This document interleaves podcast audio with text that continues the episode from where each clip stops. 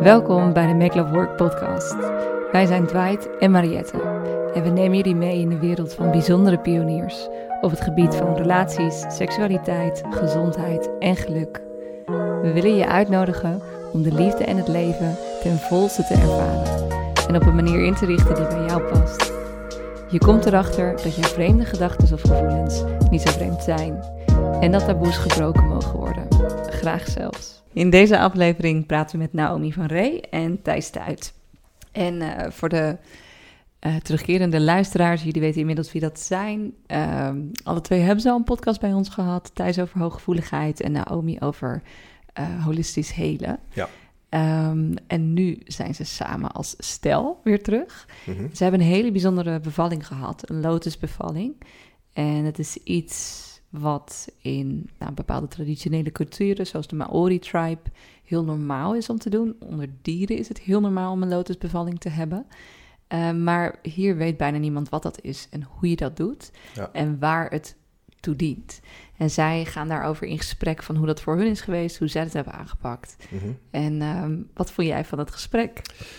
Um, ja, ik, ik had heel veel zin in dit gesprek, omdat het voor mij, uh, het, het, was een heel nieuw iets. De lotusbevalling, ik had er nooit van gehoord. Nou, ik had er uh, door Anna, Ja. die, die, die, had, die had erover gesproken, maar ik, wist niet, ik weet niet of dat off the record was of on the record, maar die had er iets over verteld, over uh, dus bevallen van, een, van, van je kind en dan niet gelijk de naafstreng doorknippen. Ja, precies. Maar voor de rest wist ik, ik had er totaal geen details over. En uh, ja, Naomi en Thijs, die kennen we inmiddels. Mhm. En Kaya, want eigenlijk zou dus met z'n vijf in totaal, want Kaya is er dus ook, dat oh, is ja, hun dochter. tuurlijk, Ja. En uh, zij vertelde dus het proces, hoe dat ging. Ze vertellen heel mooi over hun bevalling. Ze hebben het met z'n twee gedaan. Mm -hmm. Uh, Thuis? Thuis, Ja. want dat is iets wat ik zelf ook heel graag zou willen doen. Hmm. Ik ging er altijd vanuit van, op het moment dat je vrouw wee heeft, dan ga je naar het ziekenhuis. Maar dat, dat hoeft dus helemaal niet. En voor mij was het heel tof om van Thijs' de kant te horen. Hoe was het voor jou? Ja. Is het niet angstig als man zijn? En hij was heel zelfverzekerd en hij vertelde hoe hij dat hele proces is aangegaan. Maar um, ja, ik was ook nieuwsgierig. Wat is het voordeel van het behouden van je placenta? Want dat is, dat is waarom je dat natuurlijk doet. En ze, ze vertellen dus de, de meerwaarde ervan, hoe je het moet verzorgen. Um, wat, wat de geschiedenis erachter is. Ja. Dus dat, dat was voor mij hele waardevolle informatie. En het is, het is zelfs zo waardevol geweest dat ik serieus overweeg om dit zelf te doen. Als ik later, ook, later kinderen krijg. Hmm. Dat ik op, op deze manier ook, uh, ja, ook een lotusbevalling zou willen hebben. Ja, dus het heeft wel echt een mooie indruk op me achtergelaten. Mooi. Ja. Nou ja, Naomi is natuurlijk een vriendin van mij, Thijs vriend. En ik heb, zij zijn samen met nog een andere vriendin van mij de enige twee vriendschappen die ik heb die een lotusbevalling hebben gehad. Hmm. Een halve of een hele. En zij hebben een hele gedaan. Dus een halve is dat je het een aantal uren, dat je die placenta eraan zit met de navelstreng. En een hele, dan wacht je echt totdat de navelstreng Ja, loslaat ja. uit zichzelf. En zij zijn dus de enige die ik ken die dat dus hebben gedaan. En dat vond ik gewoon heel gaaf, dat het gewoon, oh ja, ik ken jullie, jullie staan naast mij, dus wat jullie kunnen, kan ik ook. Want ik had wel voor mezelf besloten, oh my god, dit wil ik. Ja, precies. maar hoe doe je dat? ja, doe je het. En, um, en ook wat ik heel fijn vond is, um, een bevalling is mooi, maar ook heel rauw. En dat dat, ja, dat mag opgehemeld worden, maar ik vind het ook heel prettig als mensen gewoon heel, um, ja, down to earth daarover praten. Eerlijk vertellen hoe het en is. heel eerlijk vertellen Ja. hoe het is. En ook bijvoorbeeld um, of je wel of niet inscheurt als vrouw. En Mhm. hoe voorkom je dat? En uh, als het gebeurt, wat dan? Hoe voel je je daar Ja. dan bij?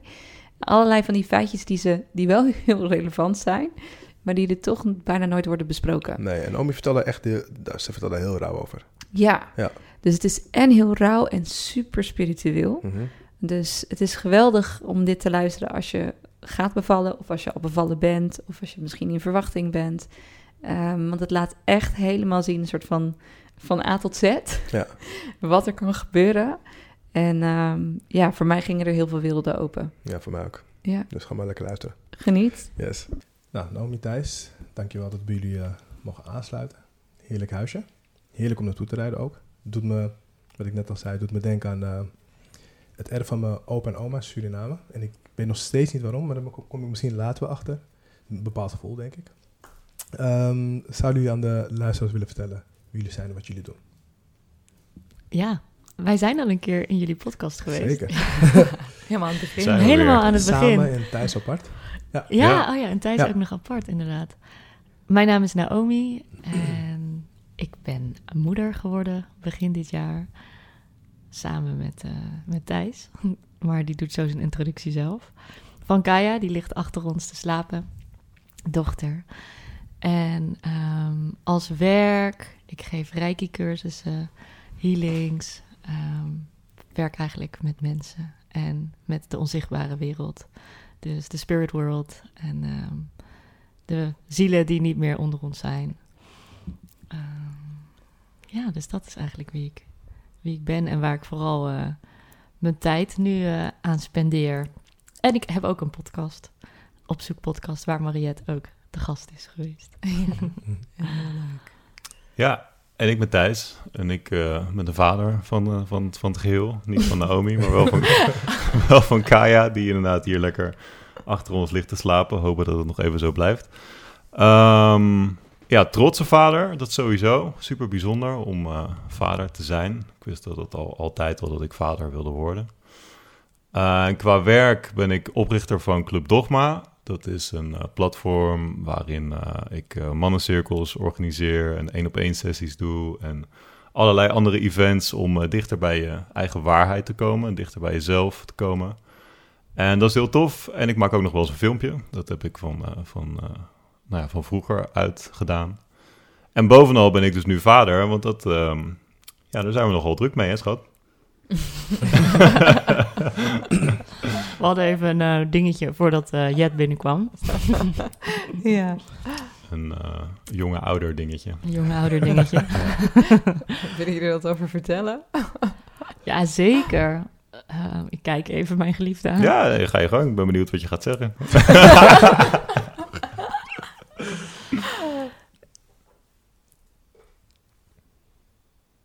Ja, wat kan ik erover zeggen? Mm. In het begin ga je op de adrenaline en de liefdesbubbel, als, als die er is. Hè, bij ons was die er. Eh, sommige vrouwen hebben, of mannen hebben niet dat geluk. Ehm, maar bij ons was het eh één grote roze wolk van vreugde en blijheid. En ehm, met wel wat uitdagingen met betrekking tot de oma's. Maar ehm, dat eh, was redelijk te, te managen. Ehm, en op een gegeven moment werkt dat een beetje uit. En dan ga je naar de twee, drie maanden dat de baby oud is. En dan begint het leven weer, het werk weer. En de combinatie en het nog meer afstemmen en nog meer regelen. Maar de slapeloze nachten, die gaan gewoon door. En het zorgen voor het kindje blijft ook gewoon hetzelfde.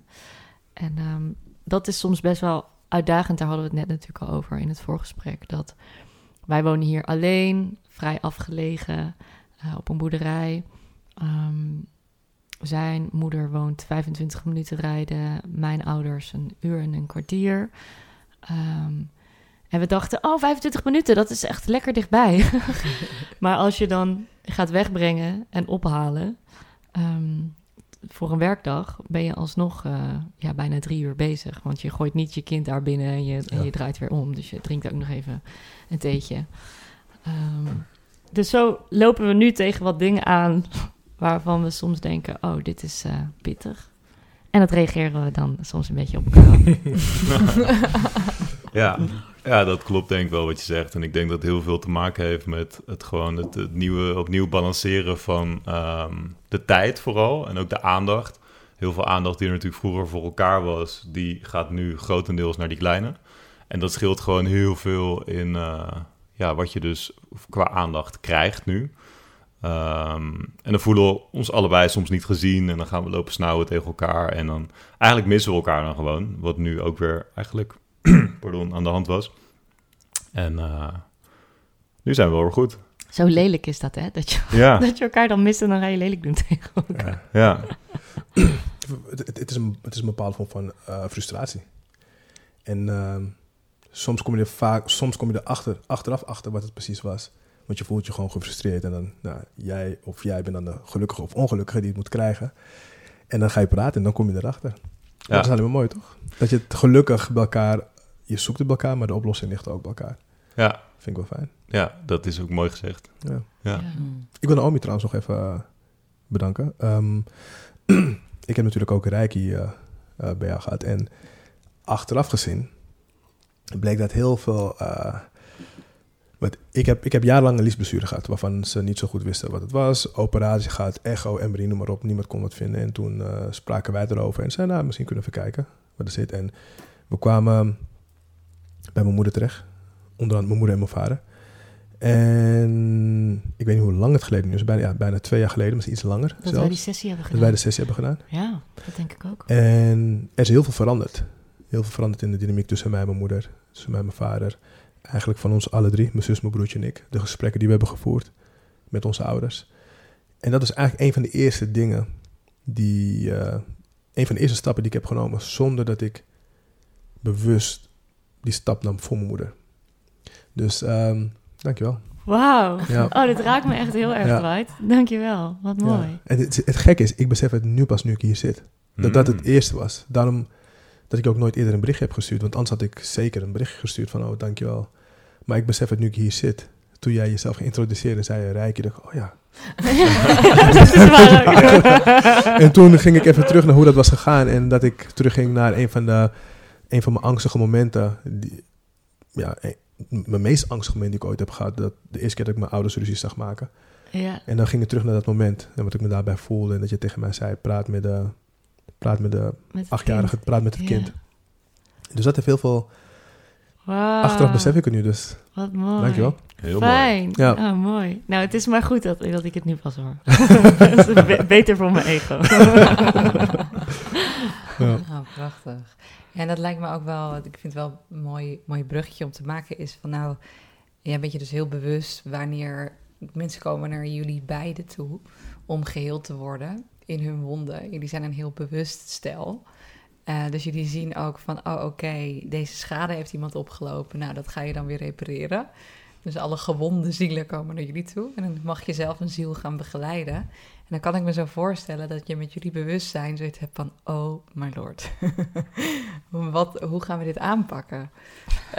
Is het dat iets wat jullie herkennen? Omdat je dus zoveel meer bewustzijn hebt op wat er mis kan gaan...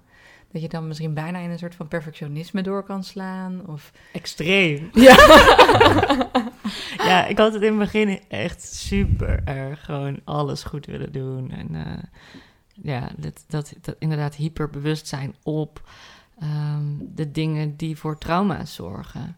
Dus het laten huilen van een kind. eh, Mhm. Niet optillen en niet- niet erbij zijn. Ehm, ja, al dat soort dingen. Maar een van mijn teachers, die eh, Saskia Nefkens, een medium, die had eh, Kaya op de lijn vanuit haar ziel. En eh, Kaya die moest heel hard lachen om ons gepruts. en die zei, eh, weet je, het mag soms echt wel rauw. ja. En ook als jullie dus een keer ruzie maken, dan konden wij zo tegen elkaar zeggen van... Ja, we mogen dus geen ruzie maken, weet je wel, we mogen nu niet schreeuwen... want dat deden onze ouders vroeger ook en daar hebben wij Ja. zoveel last van gehad... en daar zijn wij al die jaren mee bezig geweest om dat te helen. Maar wat Kaya Ziel dus eigenlijk aangeeft is... ja, maar ik ben van een hele andere generatie... en ik breng weer een heel ander licht hier op de aarde... En dat hele idee is alweer achterhaald. Mm. En ik vind dat best wel moeilijk om dat, eh, om dat los te laten. En om me echt helemaal over te geven aan dat zij ons eigenlijk gidst in plaats van wij haar. Ja. Want het is een heel nieuw paradigma wat eigenlijk nog heel weinig besproken wordt. Mm. En het oude paradigma van eh, je bent een bewuste ouder en je wil trauma voorkomen en Mm. et cetera, et cetera. Dat, dat leeft nog heel erg. Ja. Maar deze zielen die zitten ons eigenlijk gewoon al een beetje uit te lachen van ja, wat, Ja, wat, zijn, wat zijn jullie aan het prutsen? ja. En het is ook heel logisch, denk ik, dat kinderen altijd hun ouders overstijgen. En dat ik daar met mijn mind ook eigenlijk nog niet bij kan. Nou, Wat zij kon brengen. Ik snap er nog helemaal geen fuck van. Maar, dat, Nee. maar Ja. dat weet je ook niet. Dat, dat, dat, dat weet je op dit moment ook niet. Dus je wordt echt letterlijk begeleid door haar naar waar Ja. je naartoe moet gaan. Ja. ja. Ja, ik Lijkt me vind wel het echt een soort van kosmische joke wel hoor. Ja, Dat, je, dat je ouders zeg maar ehm, minder bewust zijn dan jij. En dat die jou moeten gidsen, terwijl jij eigenlijk de gids bent. Dus dan begin je al met een hele aparte constructie. ja. Want je moet soort van de kwetsbare zijn onder iemand waar jij eigenlijk vol, volgroeid bent. Ja, Eh, dus dat vind ik al. Dus, dus ja, ik denk dat het voor iedere ouder wel heel gezond kan zijn om een portie. eh Daar is komt Ja, is maar precies dit. dit Ja. ik, ik, ik vond er ook af en toe, zeker in het begin, toen ze ook pas net geboren was, nou ja, misschien dat ze een paar weken oud was of zo, dat ik dan af en toe naar haar keek en dat ze zo met zo'n blik zo mij aan zat te kijken van, ja, oké, ik zit nu in dit kleine lijfje, ik kan nog helemaal geen fuck. Eh, het liefst had ik dit gewoon allemaal even overgeslagen. Was ik gewoon gelijk in de, in de, in de, nou, in de staat geweest dat ik, dat ik echt iets kon betekenen of zo. Ja. Dus ik, dat, ik zag echt die blik in haar. En, en ik merkte het net ook weer. Dus, eh, nou ja, voordat, eh, voordat jullie er waren, hadden wij nog best wel een felle discussie. En zij zit dan gewoon op schoot. En ehm, ik vond het in het begin best wel lastig als wij na discussies hadden met, met Kaya erbij. Ik dacht dat kan niet en dat mag niet, bla bla. Maar nu was ik me ook echt bewust van hoe zij net eh, ja, erbij zat. En zij was echt gewoon vrolijk en aan het lachen en aan het doen. En dan niet op een manier van, ik ga nu papa en mama helpen weer vrolijk te Ja. worden. Maar echt gewoon op echt een, een vrolijkheid die echt bij, bij haarzelf hoort of zo. Maar ook een beetje zo van, I don't give a shit. Ja, Ja. precies. Jullie prutsen maar een beetje ja, lekker echt aan. gepruts. Echt Ja. pruts, pruts, pruts. Ja, en ik zit hier gewoon en ik doe gewoon mijn babyding. Ja. En eh, ja, zijn jullie klaar onder ons een keer of zo? echt hè? Ik kan, ik, kan, mijn baby ding, mooi. Ja. ik kan me heel goed voorstellen dat je denkt, want ik heb eh, mijn broer, mijn zus en ik, we hebben het er vaak over van, oh, wat gaan we anders doen dan onze ouders? Want je wilt niet dezelfde fouten maken. En dan hebben we het constant over de dingen die zij verkeerd hebben gedaan, of verkeerd hebben gedaan. Ze hebben gedaan wat ze konden doen, maar Mm. wat voor effect op ons heeft gehad. En dat wij dat absoluut niet willen doen. Maar stel dat je een heel ander kind krijgt inderdaad. Ja, Dus dan heeft het geen zin dat je niet die fouten maakt, want het maakt toch niet uit voor het kind. nee. Ja, je kind gaat een hele, een hele andere kant op, dus die gaat je op een hele andere manier uitdagen. Ja. Daar denk je nooit over na, want je, je denkt alleen maar over de fouten die zijn gemaakt, die je ouders hebben gemaakt. Oké, we gaan niet, we gaan, we gaan ze alle ruimte geven om, om te praten, om, te, om, om dat ze kunnen zeggen wie ze zijn en alles. Ja, maar misschien is dat helemaal Ja. niet de uitdaging met jouw eigen kind. Nou, en wat, wat mij ook wel een fijne gedachte, wat ik wel een fijne gedachte vind, is dat eh, zij ons heeft uitgekozen als papa en mama. Ja, Ja. Dus ja, dan kun je het eigenlijk alleen maar goed doen. Ja. eigenlijk wel. Dat scheelt ook ja, wel. maar ook als wij dus dat helingswerk hebben gedaan op onszelf. En het trauma hebben geheeld van onze ouders. Als we dan nog bang zouden zijn dat we het gaan overgeven op Kaya. Dat zou betekenen dat het, dan ben je er dus nog niet Dat ben je niet doorheen. geheeld, nee. Dan Nee. leef je nog steeds vanuit de pijn en de Ja. angst. Precies. Dus dat is ook wel weer een mooie realisatie. Mm. Ja, en zij gaat weer haar helingswerk doen. Dus Mm. dat is dan ook wel weer mooi. Ja. Een van de uitspraken die mij ook wel aanspreekt is van... there's an expiration date of blaming your parents. Dus er, alle ouders, hoe bewust ook, geven ja, trauma's, pijn, shit, hoe je het ook wil noemen... geven ze door aan de kinderen. En eh, op het moment dat je daar bewust van wordt... dan is dus eigenlijk de tijd dat je ze daarvan kan beschuldigen voorbij. Want op het moment dat je bewustzijn hebt vergaard... dan kan je transformeren en helen.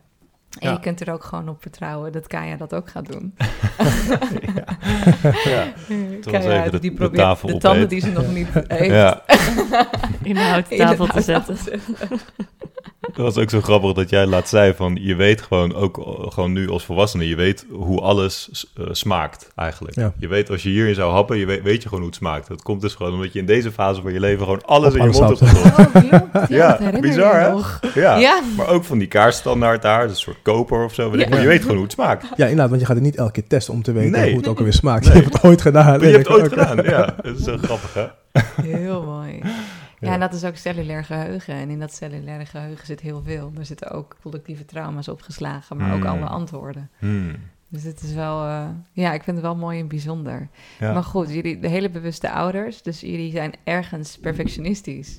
Maar ergens ook dus van, nou, het mag ook een beetje rauw zijn. En ehm, we kunnen ervan uitgaan dat alle fouten die we gaan maken, dat ze er gewoon al lang om lacht. ja, ja. eigenlijk wel.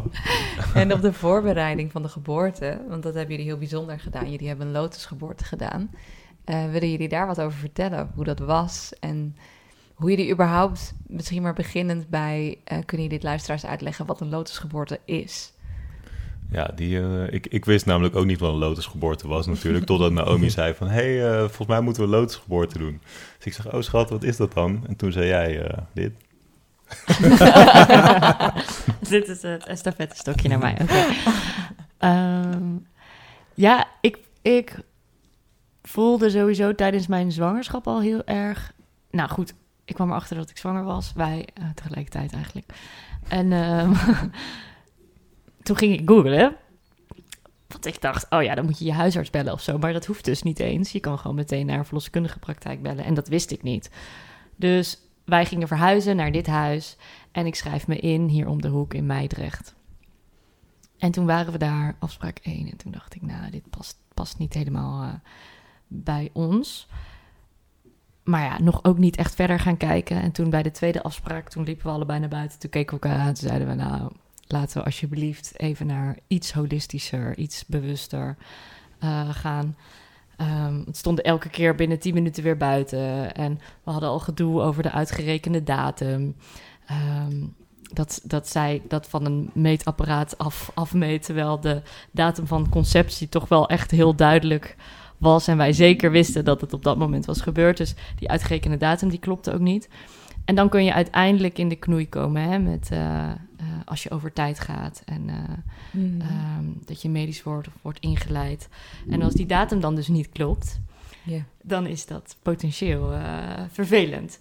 Dus zo probeerde ik wel ieder risico in te dekken. En um, wat er aan ten grondslag ligt, is dat heel veel voor mij onnatuurlijk gaat in de geboortezorg. Mm -hmm. En dat ik de geboortereis als een iets super bekrachtigends, oervrouwelijk iets heb um, ervaren. En het zo van tevoren ook wilde ervaren. En dat ik eigenlijk iemand zocht die mij daar ook bij hielp in dat bekrachtigen. Hmm. En dat was dus ook een uh, verloskundige die dan een lotusgeboorte kon begeleiden. En dat is dat een navelstreng niet wordt afgeknipt, maar dat je hem aan de placenta laat zitten. Dus na de geboorte van de baby um, baar je ook de placenta. En de placenta zit met de navelstreng aan de baby vast. En die laat je dan zitten totdat die vanzelf loslaat. En dat gebeurde bij Kaya op dag 4, geloof ik. Ja.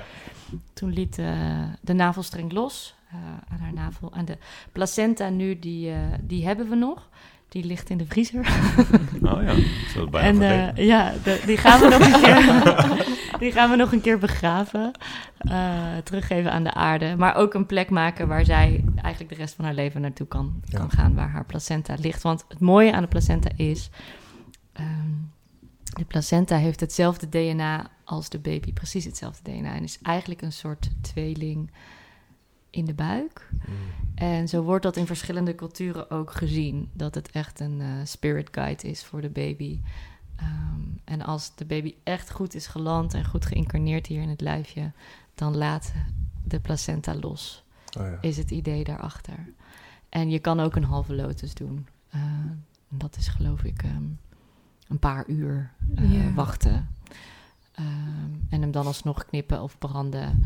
Uh, heeft ook te maken met uh, hoe, hoe, de hygiëne is. Dus in Indonesië branden ze wel na een paar uur de, de navelstreng door. In bepaalde gebieden nog. Dus het ligt een beetje aan ja, waar, je, waar je bent. Je bedoelt, met, met hygiëne bedoel je hoe, hoe lang zo'n placenta uh, gezond blijft? Ja, want je, wij, ja, jij hebt hem gewassen hè, Thijs. Met, met onze doula. Ja. Ik was toen half ja. in Laborland nog en half terug. Dus ik heb geen idee hoe dat ging. Misschien kan jij dat vertellen. Um, ja, kijk, het is natuurlijk het, het, enige nadeel van een lotusgeboorte, zou je kunnen zeggen, is dat het een beetje onhandig is. Omdat je dus de eerste, nou ja, in, de, in ons geval de eerste vier dagen heb je dus uh, aan je baby zit een navelstreng en aan die navelstreng zit nog een placenta. En dat, die placenta die hebben we dan mooi ingepakt in een pakketje met allemaal kruiden en zout. Want uiteindelijk, het is natuurlijk toch gewoon vlees, dus uiteindelijk ja. gaat het toch een beetje ruiken en zo. Dus die hebben we elke dag verschoond en uh, schoongemaakt en dus met allemaal uh, lekkere kruiden en zo gedaan. En een mooi pakketje van gemaakt. En dan ben je dus iedere keer, ben je dus, neem je je baby mee, maar ook dat pakketje. Dus het heeft, het heeft wel iets... Eigenlijk was het best wel gezellig. Ja, ik, ik, had, ik, dacht van tevoren, ja, dat is toch gewoon onhandig ja. en uh, weet ik veel. Maar ik vond het eigenlijk wel heel mooi.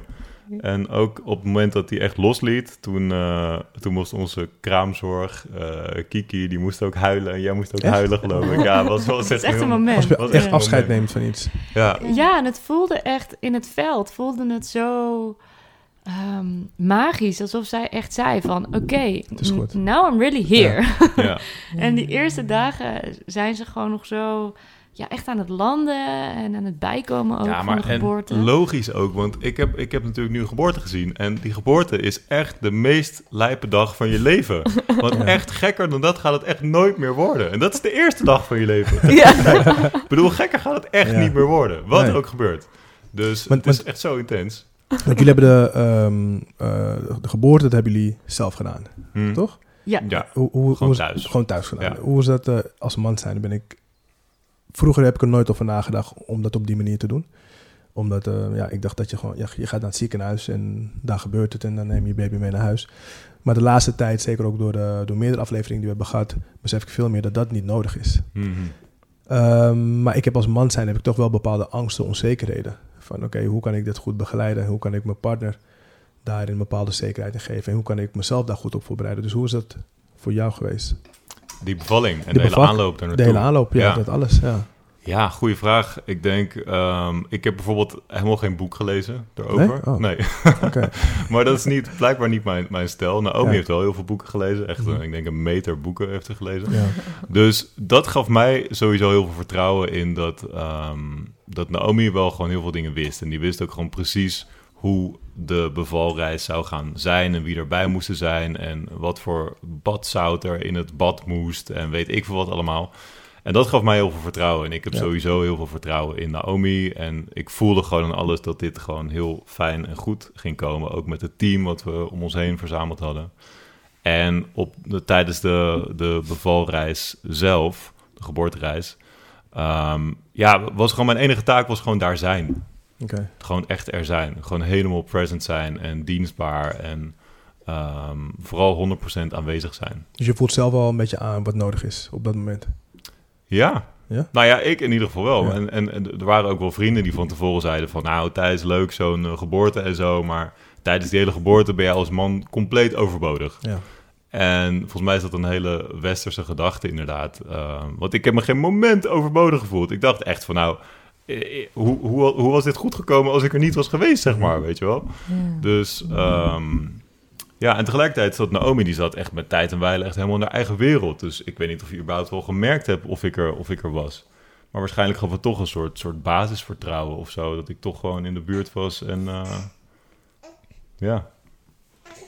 Ja, ik ben even aan het, aan het denken hoe het ook weer, eh, hoe het ook weer ging. Hoe dat ook weer ging. Ehm, Ja, ik zou het wel mooi vinden om te horen eigenlijk van A tot Z hoe de geboorte ging. Hmm. Ehm, als jullie dat willen vertellen. Dus ja, jullie hadden ten eerste misschien leuk om te weten dat, dat er een, een bevalkamer was. De soort van de birth area. De birth jullie dat arena. toch? De birth arena, ja. ja. Dus Ja. willen jullie beginnen bij de birth arena? ja, dat was ook wel grappig eigenlijk, want eh, Thijs wilde daar zijn kantoor van maken. En toen was ik hartstikke hormonaal en begon te huilen. En ik, ik zei, nee, ik, ik wil daar de geboortekamer van maken.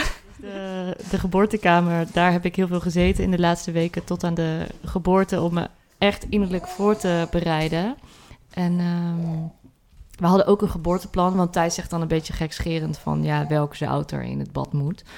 Uh, maar dat gaat wel echt wat dieper dan welk zout er in het bad moet. Dus wat zijn de contra-indicaties? Wanneer zegt een reguliere verloskundige: Oké, we gaan nu naar het ziekenhuis. Maar welke rechten heb je als vrouw? En um, hoe Ja, kun je daar dan in dat van- moment mee omgaan? Ja, dus welke rechten heb je als vrouw in die zin van... ehm, het wordt nogal snel overgenomen door... ehm, dit zijn de medische procedures. Exact. Terwijl een bevalling heel vaak niet medisch hoeft te zijn. Bijvoorbeeld bij het breken van je vliezen. Ja, Ehm, dus misschien dat je in die zin jezelf... Is dat wat je bedoelt met Ja. je rechten? ja precies. Dus ehm, je mag niet zitten. Ehm, even kijken, wat zei je nou? Oh, ik kan me niet zo goed concentreren als... Nee, dat snap ik. Mm. Heeft zij, wil ze drinken, denk je? Ze was wel op zoek. Ja, ik weet het niet. Schat, denk je dat ze wil drinken? Zo leek het wel. Ja, ik, ik heb het idee Nou, dat ze dat wil. Ja. Wil je dat gewoon hier doen? Dat is toch wel mooi, toch? ja, dat was hem. ja.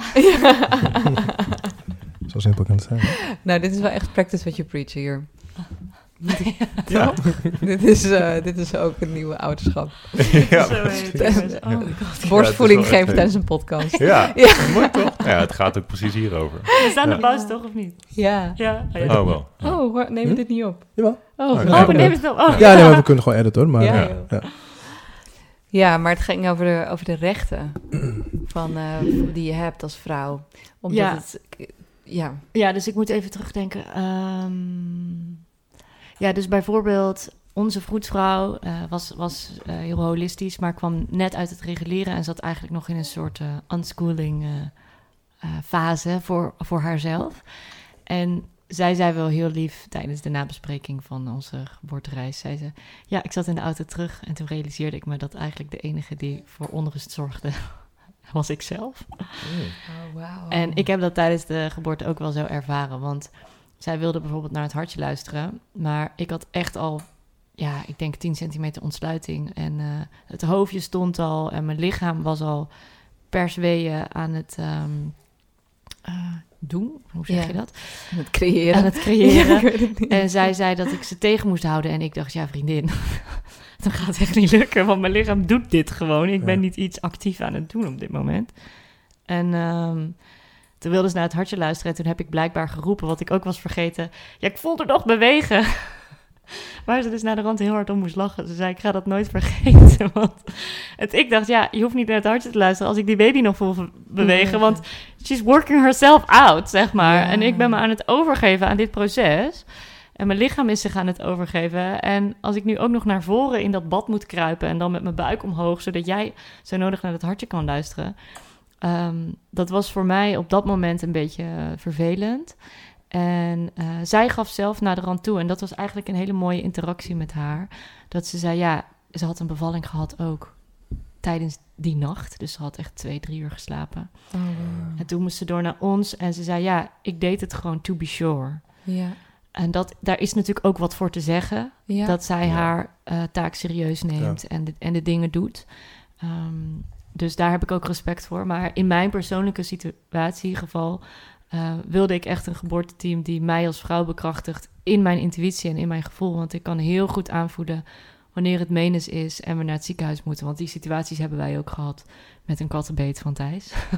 Oh. Ehm, dat we ook naar het ziekenhuis zijn gegaan. ja. Ehm, omdat mijn kennis daar eh, in het helingsveld eh, ophield. Zeg maar. ja, precies. En mijn intuïtie toen zei, we moeten naar het ziekenhuis. ja. Dus ehm, Nou, en dat Ja. voelt voor mij ook deels de reden van deze podcast, omdat het, het medische wordt gezien als nummer één. En eigen intuïtie en lichaams, ehm, ja, lichaamswijsheid als nummer twee. Ja. En eh, er is niks mis met dat hele medi medi ja, medicale gedoe. Hoe, hoe, Medische gedoe. Oh ja, precies. Er is, er is niks mis met het hele medische gedoe. Maar ehm, het is noodzakelijk. Maar laat het op nummer twee. En Ja. laten we gewoon vertrouwen op ons eigen gevoel en op ons lichaam. En ook op wanneer wij dan denken... oeh, misschien toch eventjes dat medische nu inschakelen. Want dat kan fijn zijn. En dan het begint eigenlijk in mijn beleving al met het ontkrachten van de vrouw en de man. door eh, een medische procedure te volgen. ja, Terwijl laat ons onze eigen procedures volgen.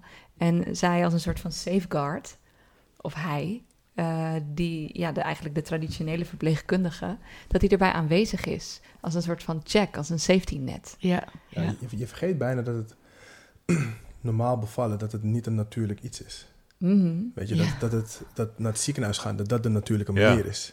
Ja, het Maar is nu een je- uitzondering. Ja, terwijl als je naar dieren kijkt, daar komt nooit iemand bij kijken. Dat gebeurt gewoon en, Ja. en ze gaan gewoon verder. ja. Maar omdat we zo gewend zijn van, om het op een medische manier te doen, Ja, dan voel je daar, eh, ja, je, je creëert een soort van schijnveiligheid. Oh, dat is de veiligste manier om te doen.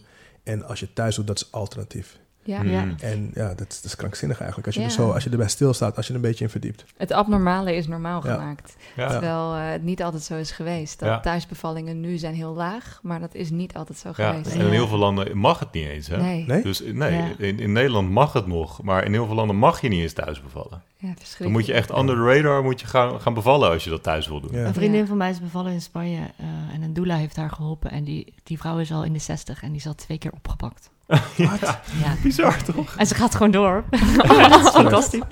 Ja. Bizar. Ja. Ja, en dat, dat heeft natuurlijk zijn oorsprong, daar hoeven we niet verder over uit te wijden. Maar het is mooi wat jij zegt, Dwight, want eh, katten bijvoorbeeld, die maken dus eigenlijk ook een, een geboortekamer, hè? Zoals, zoals ik dat heb gedaan, zoals wij dat hebben gedaan. En ehm, op het moment dat er dan een onveilige situatie is tijdens de, tijdens de baring, dan kan zij gewoon de baring stoppen, weggaan en een ander plekje zoeken. Echt? En daar verder gaan baren. En dat is echt, ja, ik vind dat echt super inspirerend. Ja. En als ik dan nadenk over al die vrouwen die ons voor zijn gegaan, die op ijskappen, in grotten, weet ik veel waar, Ja, hoe lang wij al bestaan. Het is niet dat, dat, we- dat, dat er pas bevallingen zijn sinds een ziekenhuis Eh, zijn. Weet je, het precies, gebeurt ja. lang natuurlijk. dus dan, ja, Maar de, dan ba- heb je de zo'n babysterfte discussie. is natuurlijk wel behoorlijk afgenomen. Hè? La- Laten we dat ook wel even, even in het Tuurlijk, grote absoluut. perspectief Ja. zien. Dus maar dat, het, het, het medische gedeelte, dat, ik wil het absoluut niet wegwuiven. Nee, Maar ik wil het niet heilig verklaren. Alsof Nee, dat de precies. enige manier is nee. dat het kan of dat het zou moeten Het gebeuren. mag gewoon op een hele waardige tweede plek. Zeker, ja. Ja. Ja, ja, daar- dat vind ik ook. Ja, want in mijn geval, ehm, mijn geval, mijn broertje, mijn zus, was het waarschijnlijk nodig. Want mijn Mm. moeder kreeg geen weeën. Hmm. En, eh, althans, ze voelde niks. Ze voelde geen drang. En wij waren, eh, ja, bij ons, bij ons alle drie ging het heel raar. Dus bij Mm. ons was het waarschijnlijk nodig. Dus Ja. ik, ik, ik, ik, ben een levend voorbeeld van dat het soms nodig is. ja, Maar niet altijd. nee. Waar, waar, waar ik, waar ik zelf ook heel nieuwsgierig naar ben. Wat is de, de meerwaarde van een, van een lotusgeboorte? Ehm, er is een supermooi boek Mhm. en dat heet The Placenta, the Forgotten Chakra van Robin Lim. Dat kan ik iedereen die dit luistert en die denkt, wow, ik wil er meer over weten, dus echt heel erg aanraden. Ehm, sowieso is meteen de navelstreng knippen iets wat achterhaald is. Dat werd vroeger gedaan en nu laten ze hem wel een beetje uitkloppen, zodat het bloed echt goed terug kan stromen naar de baby. Want voordat de baby door het geboortekanaal komt, dan gaat er een derde van het bloed in de placenta, zodat de baby kleiner wordt en makkelijker geboren kan worden. En ehm, dat bloed moet dus terugvloeien. En dit is geen harde research, maar onze doula zei: Ik heb zo'n vermoeden dat mensen met bloedarmoede, eh, ja, dus vaak die navelstreng eh, te vroeg eh, geknipt is. In mijn geval zou dat kunnen kloppen. Ehm, of als je snel geneigd bent vanuit je constitutie tot bloedarmoede. Maar dan heb je dus ook nog het hele, ja, laten we zeggen, het ziels-energetische aspect van de placenta. En als je dus kijkt naar de afdruk van een placenta, oh, die ligt hier, die kunnen we misschien wel even laten zien zo. Dat ziet er dus uit als ehm the Tree of Life. Ja. En in heel veel culturen zie je dat terug in oude tekeningen en ook in overdracht van spirit. ehm, dat het dus echt een ja, energetisch iets is, een, een heilig iets, een extra spirit erbij die geëerd mag worden. En wat een brug vormt tussen ja, gene zijde waar de ziel vandaan komt Ja. en dat het weer incarneert eh, in de aarde. En ehm, ja, zo kan ik nog wel even doorgaan, maar het boek Ja. is, eh, is echt heel mooi om te lezen. Ja, Mooi. dus wat ik ervan weet is dat het dus inderdaad helpt om de baby gewoon weer krachtiger te maken door die bloedtoevoer. En helpt om te incarneren. En ook dat je op je eigen tijd hier dus kan landen. En dat je hem dan ook loslaat. Ja. Zo van, nou, nu heb ik geen hulp meer nodig. Nu vertrouw ik op, helemaal op mijn eigen resources.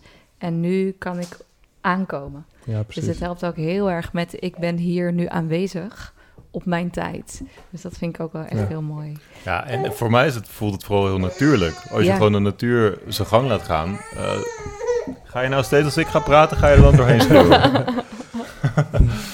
nee, voor mij voelt het heel natuurlijk. Omdat eh, de natuur heeft het zo bedacht. Dat er een navelstreng aan vast zit. En die heeft niet bedacht van die gaan we er na een paar uur afknippen of zo, weet je Ja. wel. Dus op een gegeven moment droogt dat dan gewoon uit. En dan valt het er Ja, zelf af. En volgens mij, nou ja, wij, wij volgen daarin gewoon graag de natuur. Ja, Dat voelt voor mij gewoon heel goed. Ja, zo super- simpel is het gewoon. superlogisch Super logisch, Ja. precies. bij ja. Wat ook leuk is, is dat er, er is geen... eh, iemand vroeg dat van, ja, wat is het de tegen, zeg maar, van het Ja. eraan laten zitten? En dat is er dus niet. Nee. Er is geen... Nee? Je hebt geen nadeel, zeg maar. Nee, er is geen nadeel. Ja, dat je het misschien... minder praktisch. Ja, dat het troep geeft en, en onhandig is. Ja, oké, maar dat is geen nadeel voor het kind. Want dat is het belangrijkste Nee, natuurlijk. precies. Ja. Ja. Ja. En terug naar de birth arena en gewoon even van A tot Z hoe de bevalling ging. Want dat vind ik heel mooi om te horen. Dus er is een birth arena gemaakt. Vertel. Ja, dus daar was een, of is een tweepersoonsbed. Daar was mijn altaar en daar stond het bevalbad in de hoek nog niet opgezet, eh, klaar. En alle spullen die je nodig hebt, die in je kraampakket zitten. En ehm, nou, wij hebben ook een hypnobirthing cursus gedaan, want ik dacht, dat is leuk dat jij geen boek wil lezen, maar als ik straks in Laborland zit en eh, niet meer eh, kan praten, want dat is wel hoe het vaak eigenlijk altijd is als vrouw, dat je gewoon helemaal in je zoon bent en je dingen aan het doen bent. En dat het dan dus super lastig is om tegen zo'n vroedvrouw te zeggen van... hé, hey, maar ik wil dit eigenlijk niet. Voor mij hoeft dat toucheren niet. eh, te kijken hoeveel ontsluiting er is. Want ik voel zelf wel dat er ontsluiting is. Of ik voel dat ze beweegt of het hoofdje komt. Dus ehm, nou, Thijs die, had, eh, die werd geïnstrueerd en er was een eh, geboorteplan geschreven. Dus dat lag daar ook klaar. En dat wist het hele team van nou, dit is hoe we het gaan doen. En wij zijn dus ehm, door de hypnobirthing waren we helemaal erop ingesteld. Van nou, vergeet de film-serie-bevalling. Oh, ja. En hoe de film-serie-bevalling is: vliezen breken, gierende banden naar het ziekenhuis. Of als het terug in de tijd is, dan eh, zie je, gaan de mannen de deur uit en die wachten op de gang. En eh, de vrouwen die doen het. Die bezatten zich vooral. Ja, en dan zie je op een gegeven moment een, eh, een kind. Dit is ook grappig. Als ik nu dus naar series of films kijk, dan zie je dus altijd een paar maanden oude baby. en het is dus super raar om daar nu naar te kijken. Want je ziet nooit een baby natuurlijk in een film die net, Net geboren. net geboren is. Maar het ziet er heel raar uit. Ja. Heel groot, vooral. en, ehm, ehm, nou goed, wie had er dus een film-serie bevalling? Ik. Dus mijn vliezen braken om eh, ja, iets van één uur of zo. En dat hypnobirthing stemmetje ging toen in mijn, in mijn hoofd van ja, het kan nog heel lang duren. Ga jezelf vooral niet zielig vinden, want het kan nog heel lang duren. Dat zei onze juf de hele tijd. Dus ik dacht, ja, moet ik dan nu wel tegen Thijs gaan zeggen dat mijn vliezen zijn gebroken? Nou, we sliepen toen apart.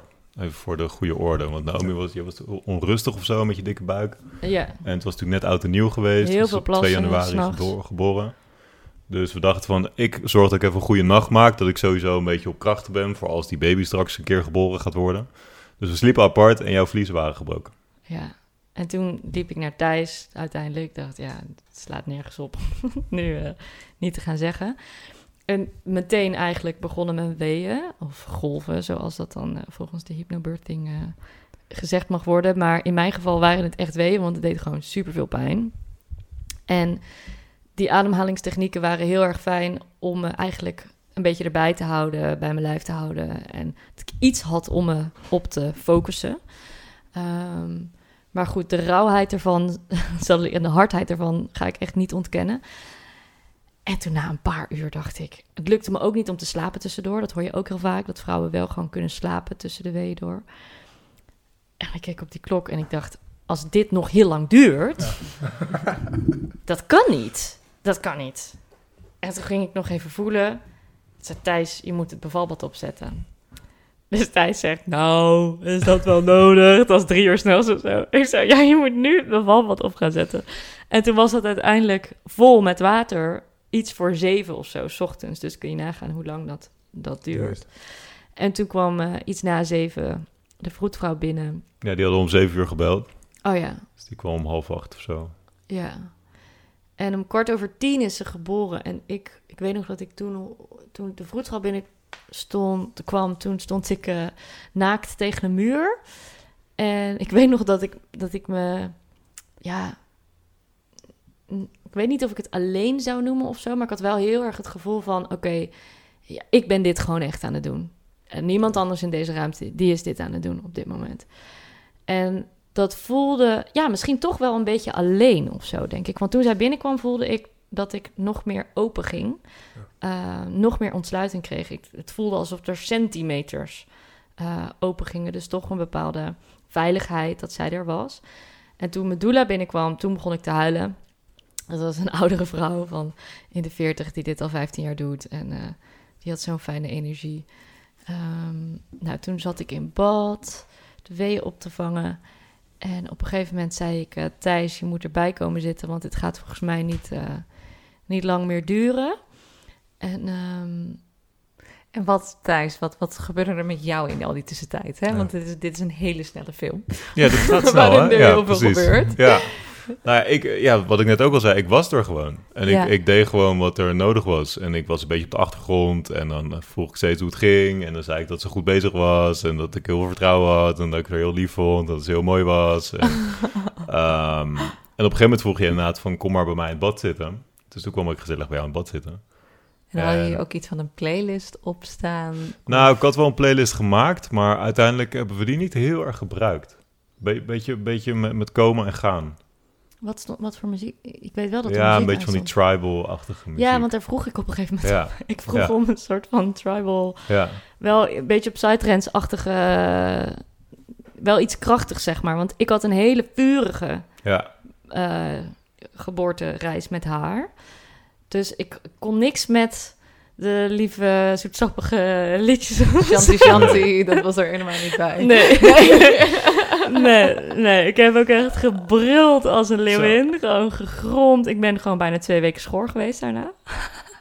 Hoe Ja. was dat voor jou thuis? Ja, ik vond het fantastisch. Ja, echt joh. Ik vond het echt die oerkrachten die er vrijkomen als een vrouw eh, deze reis ingaat. Het is echt... Ja, ik heb dit bij mijn zus gezien. Ja? Oh, Ja, ik was tof. bij de bevalling van haar eerste dochter, van haar Oh, oudste wauw. kind. Wat mooi.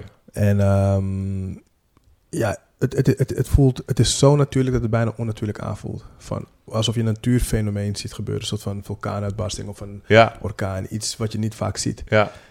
En eh, ja, dat, ik heb mijn zus nog, nog nooit op die manier gezien. Ja. Het is heel, het is heel, ik, ik kan het ook niet heel goed uitleggen. Het is heel wat anders. Maar jij weet wat het is, want jij hebt het gezien. Ja, Het is, ehm, het is een hele intense, intense kracht. En ook op een gegeven moment was ze ook aan het brullen bijna, toen ze echt aan het bevallen was. En dan, dan weet je dat er iets gebeurt. Er gebeurt, er gebeurt iets wat heel bijzonder is. precies. Ja. Ja, ik voelde ook zoveel waardering en respect voor de mens, zeg maar Ja. in het algemeen, maar dan in het bijzonder de vrouw. Echt hoe sterk de vrouw, zeg maar, in het algemeen is, maar dan in het extra bijzonder natuurlijk mijn vrouw in dit geval. Echt, ik, ik, ik word er weer helemaal eh, gewoon wow, zo vet. Ja. Toen ik dat allemaal zo van dichtbij zag gebeuren. Maar ook als ik dit zo hoor, want jullie zijn gewoon, jullie, hebben- dit is jullie eerste kind. Ehm, het is midden in de nacht, word je, word je wakker. Ja, nou ja, hoe weet je dat je vliezen zijn gebroken? Dat is natuurlijk nogal obvious. ja. Maar ja, wat dan? Niemand weet wat er dan komt als het je eerste kind is. Dus dat Ja. is gewoon, en het- je bent toch alleen. Dus je bent met z'n tweeën. Je hebt besloten om niet naar het ziekenhuis te gaan. Dus ik vind het gewoon vet interessant en moedig dat jullie gewoon hebben besloten: oké, we hebben geen idee wat er gaat gebeuren.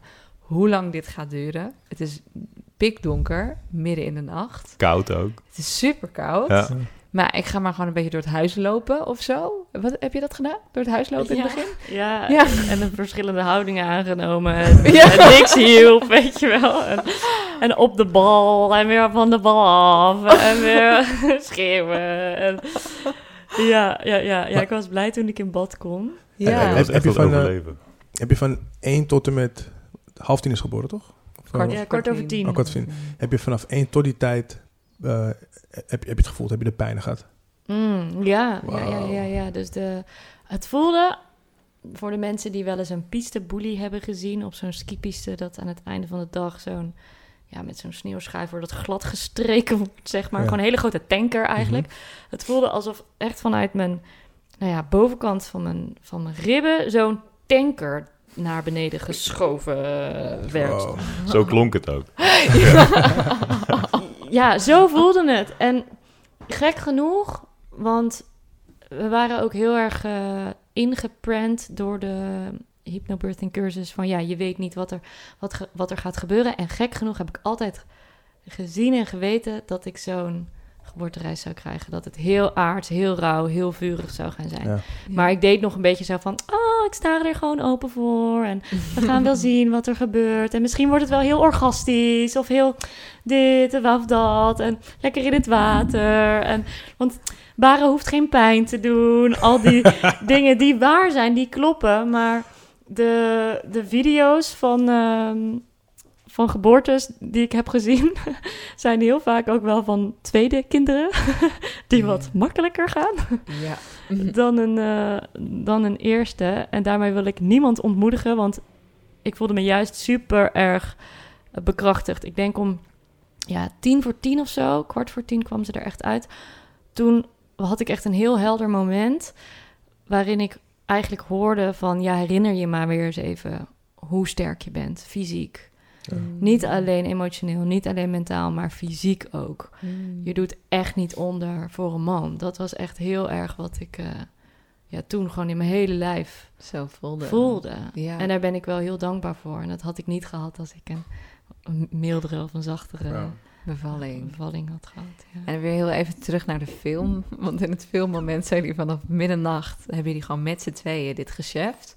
Bad opgezet, jij hebt het laten vollopen, muziek gearseneerd. jij hebt op de bal van de bal. Uiteindelijk kreeg je steeds meer ontsluiting. Toen kwam eerst jullie verpleegkundige binnen. Dat was al heel fijn. En toen kwam de doula. En toen merkte je, oké, nu voelde ik me eigenlijk voldoende gesupport. Kreeg je meteen meer ontsluiting. En toen ging je het bad in. En dan? Ja, ja, ik zat, ja mijn mijn vroedvrouw zei, je mag, het, je mag het bad in. Het is ongeveer wel vol en de temperatuur is goed. En toen zat ik daar net in en toen kwam mijn doula binnen. En nou, die vrouw is zo fantastisch, jongen. En Siri, mijn doula, die heeft eigenlijk niks gezegd, maar was gewoon aanwezig en deed energiewerk. Dus ik voelde heel erg dat zij eigenlijk energetisch met mij meeging in Laborland. En precies kon voelen waar ik zat. En op het moment dat de vroedvrouw iets zei, eh, wat dus eigenlijk ook voor mij niet waarheid was op dat moment, dan viel zij bij en dan zei ze heel rustig, heel zacht. eh, van nou, volgens mij volgt Naomi gewoon haar lichaam en kunnen we daar gewoon in meegaan. En daarin voelde ik me dus heel erg gesteund. En ehm, ik voelde best wel lang haar hoofdje staan, eh, zoals dat heet. En dat is een, een vrij pijnlijk eh, moment. En ehm, uiteindelijk was het nog eventjes eh, werken met haar eh, mee eruit krijgen. Dus ik moest echt één keer goed hard persen, zodat ze er echt uitkwam. Ik wilde haar, zoals ik op de filmpjes had gezien, zo heel mooi zelf eruit aannemen. Maar dat ging dus niet, want ik moest me echt afzetten. Ik had Thijs de knieën vast, mijn voeten stonden tegen de badrand. En Kaya werd in het water gelanceerd. Ja, een snoekduik zo, eh, zo dat water in. Ja. Het is gewoon heel typisch voor ja, hoe zij ook is als, als kind, zeg maar, nu, als baby. Ehm, dus ja, op het filmpje is dat echt heel grappig. En eh, ik heb ook nog overgegeven trouwens, we vergeten even een momentje. Ja, ik denk ook misschien een kwartiertje voor ja, zoiets. de geboorte. Toen riep ik ineens, ik moet kotsen. En toen kwam er een emmer en toen kwam de paprika chips die ik de avond van tevoren gegeten. Die kwam eruit. En ehm, ja, allemaal hele onsmakelijke dingen tijdens de geboorte. Dus in de nacht eigenlijk ben ik denk ik wel acht keer naar de wc geweest om te poepen. Gewoon die hele darm die werd even leeg, eh, leeggemaakt. En dan aan het eh, ja, einde, dus op het moment dat zij geboren werd, toen scheurde ik uit. En dat voel je ook. En dat gebeurt eigenlijk bijna altijd. Ja, en hoeveel procent van de gevallen, weet je dat? Ehm, ja, echt bijna altijd. En dan... Ja, dus we kennen het uitscheuren van de derde graad, dus, dus tot aan je perineum eigenlijk. Dus dat is wat je veel vrouwen hoort zeggen, wat dan ook echt super vervelend is als dat moet helen. Ehm, en zeker als je een fistral hebt, dus dat is een gaatje eigenlijk. ehm, hoe leg ik dit uit? Ja, vanuit je anus naar je, naar je vulva, je vagina.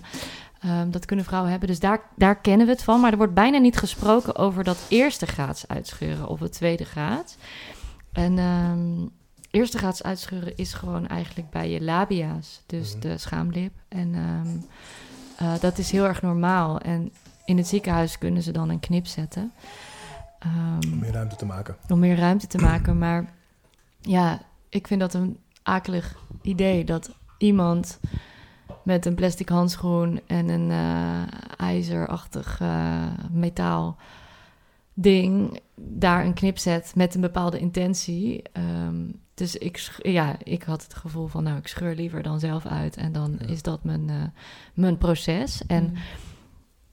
ik had het fijn gevonden om daar van tevoren wat meer over te horen of over te lezen in alle openheid. Want ehm, nu werd ik heel erg gedragen door mijn doula en mijn kraamzorg, die daar echt ja, helingswerk op hebben gedaan. Ik werd gehecht en mijn doula die hield mijn hand vast en die streelde mij ehm, door mijn haar en die zei: Dit is je initiatie in het moederschap.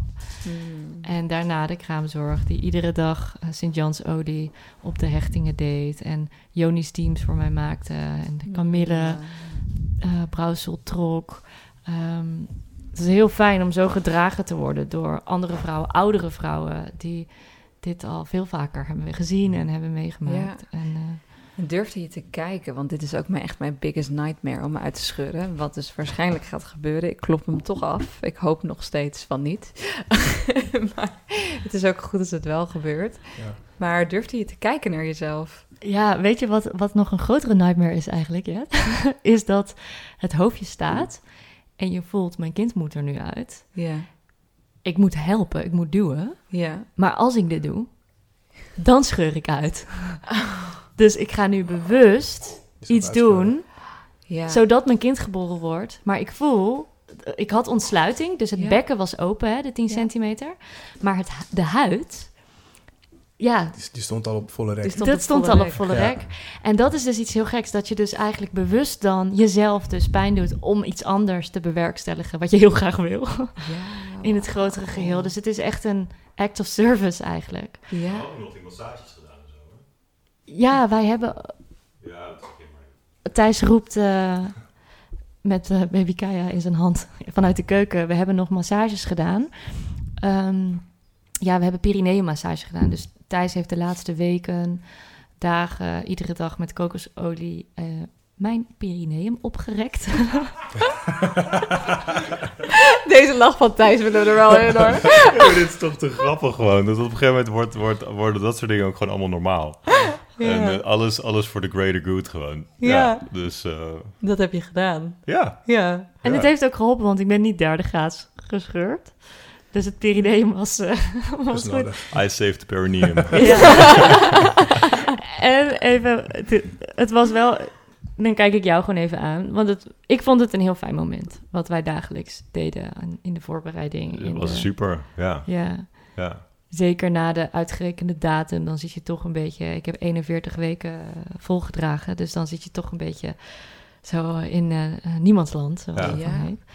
En eh dat was fijn om dat eh, te doen. En het heeft geholpen. Ja, hoeveel dagen doe je dat dan? Wanneer start je daarmee met perineummassage? Volgens mij kan het vanaf week 32. dan al. ja. Ehm, Maar wij waren vrij laat. Eh, ik denk week 37 pas. Dus ehm, ik kan het me niet meer zo goed herinneren. Maar ja, waar waren we in de film? In de film waren we bij dat je was uitgescheurd. Dus Oh ja. vroeg ik van, durf je dan te kijken? Ja, ja. En ik heb dus heel veel spijt.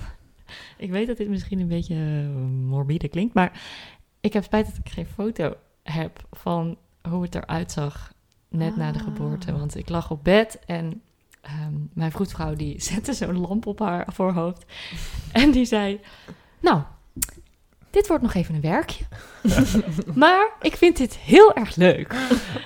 En dat was precies wat je wil horen als vrouw. En haar met een soort kinderlijk enthousi- enthousiasme Ja. eigenlijk dat daar zo, Maar dat dat klopt ze daar ook zo echt. zat. Je gelooft er ook echt dat ze dit gewoon echt heel leuk vond om te doen. Ja, En volgens mij zei ze letterlijk van ja, het wordt even een borduurwerkje of ja, zoiets. ja, ja. Maar ze vond het leuk om te doen. Ik dacht, nou oké, als iemand nu dus aan eh, mijn Joni moet zitten, dan, dan ben jij het. en ehm, toen ging zij het hechten en eh, op een gegeven moment vroeg ze van, hey, ja, hier moet iets gehecht worden. Ja. Weet je hoe het eruit zag van tevoren? Want alles is opgezwollen. En je bent zo geopend, Dwight, ik zie je kijken. Het, het, is, het is net als een boek. Het is oprecht net als een boek. Alsof je een boek helemaal eh, opent en zo met de lees dan zo plat Ja. eh, legt, zeg maar. Zo is je bekken geopend. Dus je kan helemaal naar binnen kijken. Je kan alles aan de binnenkant zien, wat je normaal nooit kan zien bij een vrouw. Wel voelen met je vinger, maar je kan het nooit zien.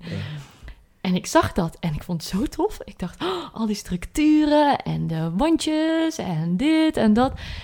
En ondertussen moest ik dan kijken hoe mijn re rechterlabia eh, ge- gehecht moest worden. Ja, nou oké, ja, volgens mij ongeveer zo.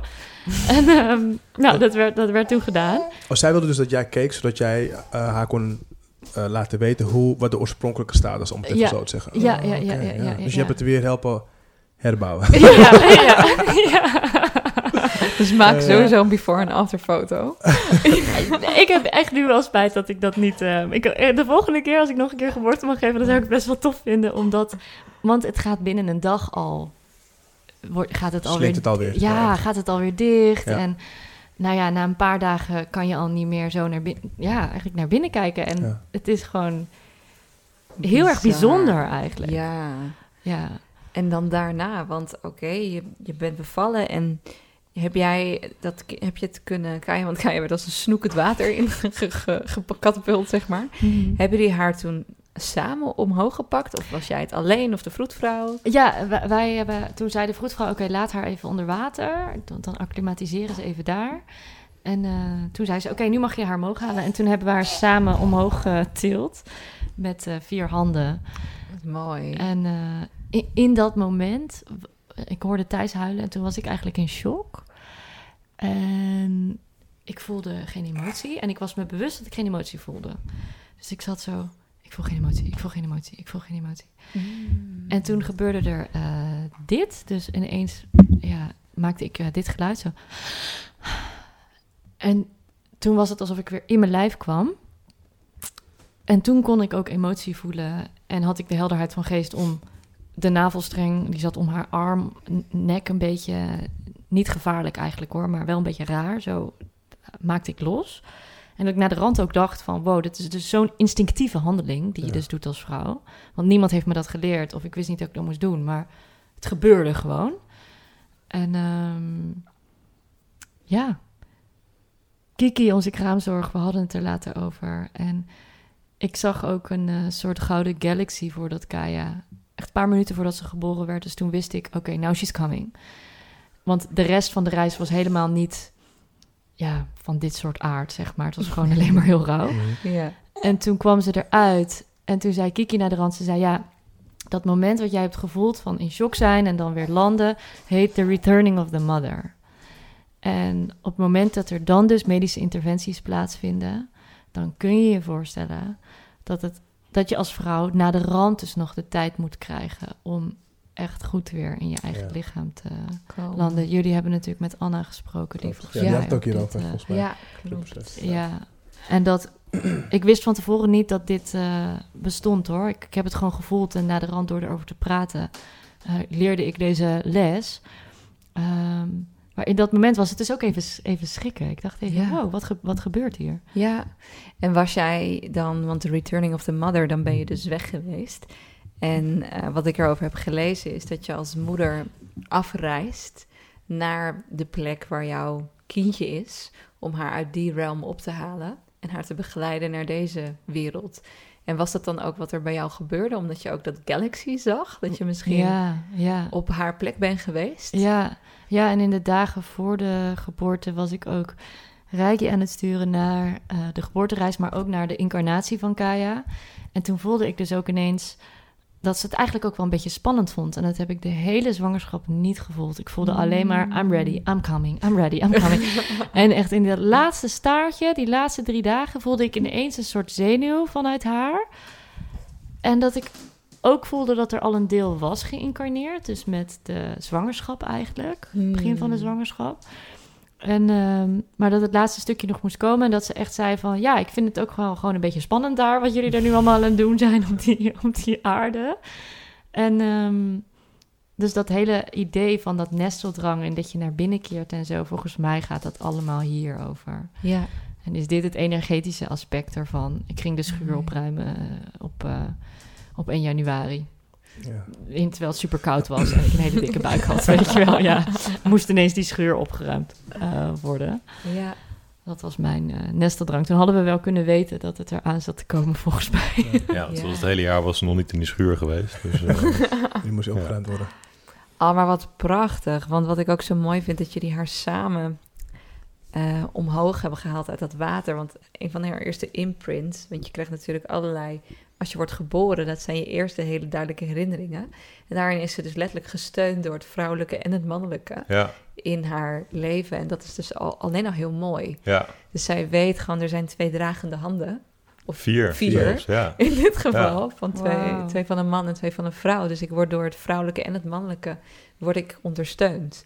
Nou, en ik denk dat de meeste van ons zijn geboren door of de handen van iemand uit het medische personeel, of die van onze moeder. Ja. of een plastic handschoentje.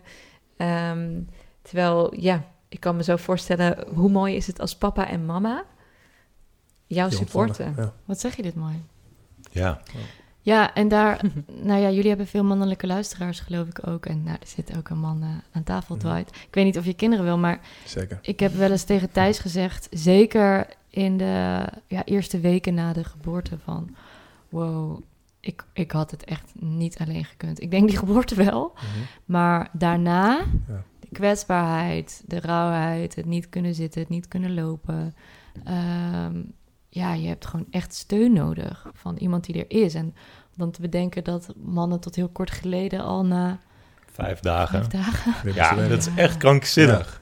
Na Ik- ik- vijf dagen was echt krankzinnig. Ik, ik snap het. Ik- Persoonlijk vind ik sowieso dat moeders een voorsprong hebben. Dus ik vind alleen om die reden mannen veel langer bij het Hmm. kind zouden moeten blijven. Ja. Omdat, eh, kijk, tuurlijk, wij zijn erbij, maar het kind zit in jou. Dat is voor mijn Hmm. gevoel toch wel ietsjes anders dan Ja. de man die er, buiten, die er buiten staat en wel communiceert met het kind en misschien ook energetisch, maar ja, ik, ik, wil ook, ik wil ook hechten met mijn kind. En als ik dan maar vijf dagen krijg en daarna weer moet gaan werken, Ja. dat, dat, dat is, dat is, dat is een, voor mijn gevoel een, een, een achterstand die ik bijna niet meer kan inhalen. Dus ik zou veel intenser bij het proces betrokken willen zijn. Dus ook bij de bevalling, dat Mm. hele proces. Ja. Dus ja, vijf dagen, dat is, dat is krankzinnig als je erover nadenkt. Ja, Ja. en wat maakt dat jij dat zegt, Thijs? Nou, dat, het is nu natuurlijk vijf weken gelukkig als je in loondienst bent dan. Maar ehm, het is, ja, na dag vijf zeg maar. Als ik, na- als ik na vijf dagen weg had gemoeten, ja, dat is gewoon ondenkbaar. Naomi die kon nog echt bijna niks. En ook, ook voor mijzelf was het gewoon ondenkbaar. Want je, wil gewoon, je hebt net een gezin. Ja. Je wil daar gewoon, tenminste ik wilde daar gewoon volle bak onderdeel van zijn. En alles meemaken en ervaren. En het is super intens. Het is echt, je bent de hele dag bezig met, terwijl je niks doet, bijna. Tenminste, het lijkt alsof je niks doet, maar je bent de hele dag Ja. bezig. En ehm, ja, het is, gewoon, het is gewoon ondenkbaar dat ik na vijf dagen alweer was gaan werken. Ja, en maar wat mij ook is opgevallen is dat ik moest bijvoorbeeld heel erg aan onze familie verantwoorden. Ehm, want zij dachten dan van, oh, je hebt toch zo'n lekkere thuisbevalling gehad, dus het gaat dan nu toch heel erg goed. En dan kan je toch weer gewoon eh, meteen eh, lopen en uh, kraamvisite ontvangen en gezellig doen of zo. Mhm. Maar dat is zo respectloos naar het hele proces, naar de vrouw en, en naar de baby. Want die zit niet per se te wachten op kraamvisite. Die wil gewoon slapen en die wil gewoon bij papa en bij mama zijn. En leren aan die tiet drinken, want dat is ook nog best wel even iets wat eh, een week of twee eh, duurt voordat dat helemaal goed is afgestemd. En dat is ook nog een beetje de, de tendens. Dus als ik jou dan hoor zeggen van ja, Naomi die kon nog helemaal niks. Volgens mij mag daar cultureel ook van gemaakt worden. Ehm, de vrouw hoeft nog even Hoeft niks, helemaal ja. niks.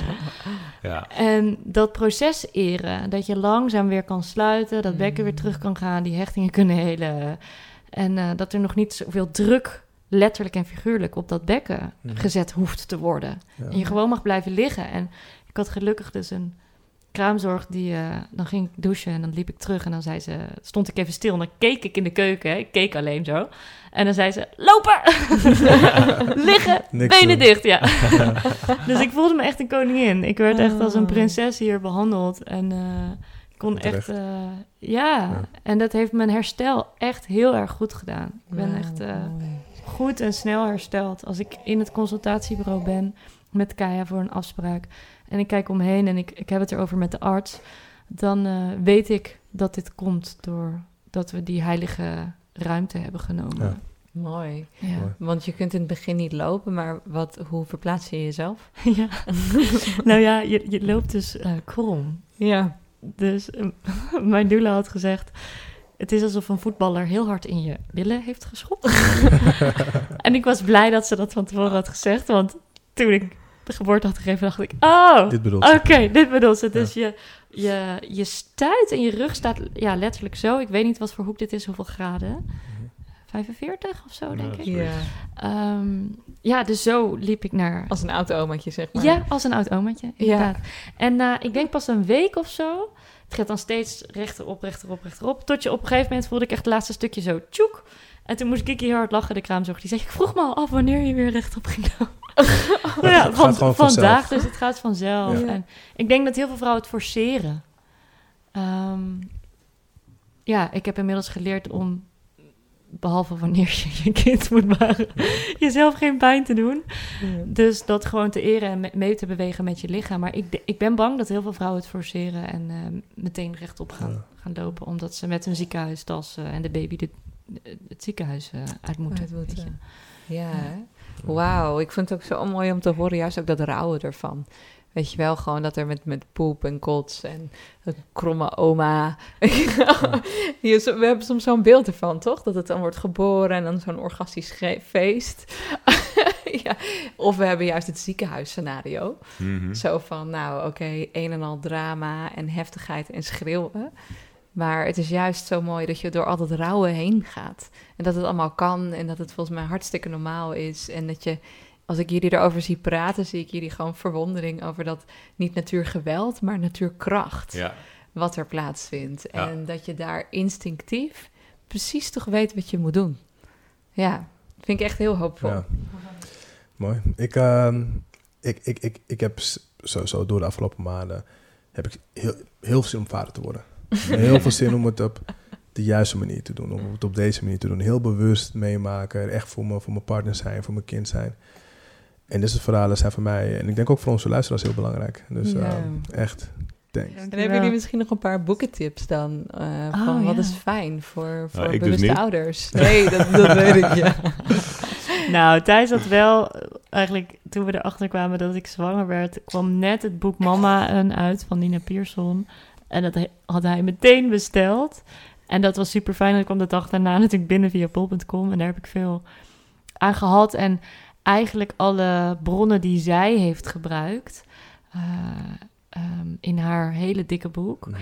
Ehm, die heb ik eigenlijk ook gelezen. Dus dan moet je denken aan Ina May Gaskin, een eh, geboortewerker uit Amerika. Ehm, de Vrije, Vrije Geboorte, Geboorte, ja. ja. van eh Anne Meerte. Dat zijn hele mooie boeken. En het is ook fijn om dat aan het begin van je zwangerschap te doen, zodat je op een gegeven moment echt naar dat gevoel en de intuïtie kan. En je ook echt uit het hoofd kan, was Ja. mijn ervaring. Mooi. Ja. Wat ik zelf ook een mooie boodschap vind, die jij een soort van tussen de podcast door, dat is dan geen boekentip, maar dat elke bevalling gewoon de bev- een, goede bevalling is aan zich. Dus Ja. dat jij echt zo de jou hebben kunnen eren vanwege de rauwheid. En dat dat dus precies kloppend is. Ja, En dat of het nou een geboorte is in een bad thuis of juist wel in een ziekenhuis. ja, Ik geloof dat je de boor- geboorte krijgt helemaal. Die, die bij je klopt. Ja. ja.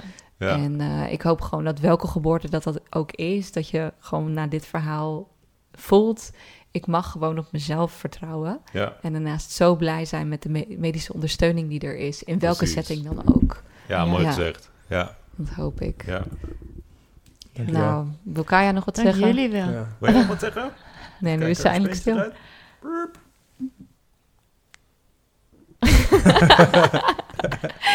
Mooi gezegd. Mooi gesproken. Ja, mooi gesproken. Dank Het is wel een leuk ding. Thanks. Dankjewel. Stel dat je dit een mooi gesprek vindt. eh, heel fijn als je de podcast-episode deelt en abonneert op ons kanaal. Dat helpt ons met onze zichtbaarheid, maar ook met onze missie. Want hoe meer mensen delen, hoe meer liefde we met elkaar verspreiden.